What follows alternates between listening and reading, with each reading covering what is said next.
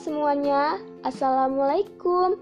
Jangan lupa ya jaga kesehatan Apalagi sekarang masih pandemi COVID-19 nih. Semoga kalian selalu sehat ya Dan tetap bersyukur. Oh ya, perkenalkan Nama saya Nopita Sari Biasa dipanggil Nopi. Saya mahasiswa baru program studi arsitektur di Institut Teknologi Sumatera atau yang disingkat ITERA. Saya masuk program studi arsitektur karena termotivasi oleh kakak alumni di SMA saya. Pada podcast kali ini, saya akan menceritakan target masa depan saya atau planning ke depan. Yang pertama nih ya, target jangka pendek.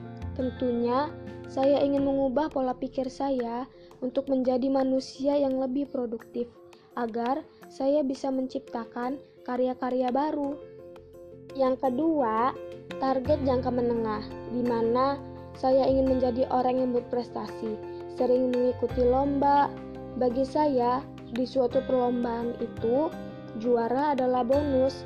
Kalaupun saya tidak juara, saya tetap sudah mengalahkan keraguan yang ada pada diri saya, dan saya juga bisa menyelesaikan program studi saya dengan lulusan terbaik tentunya.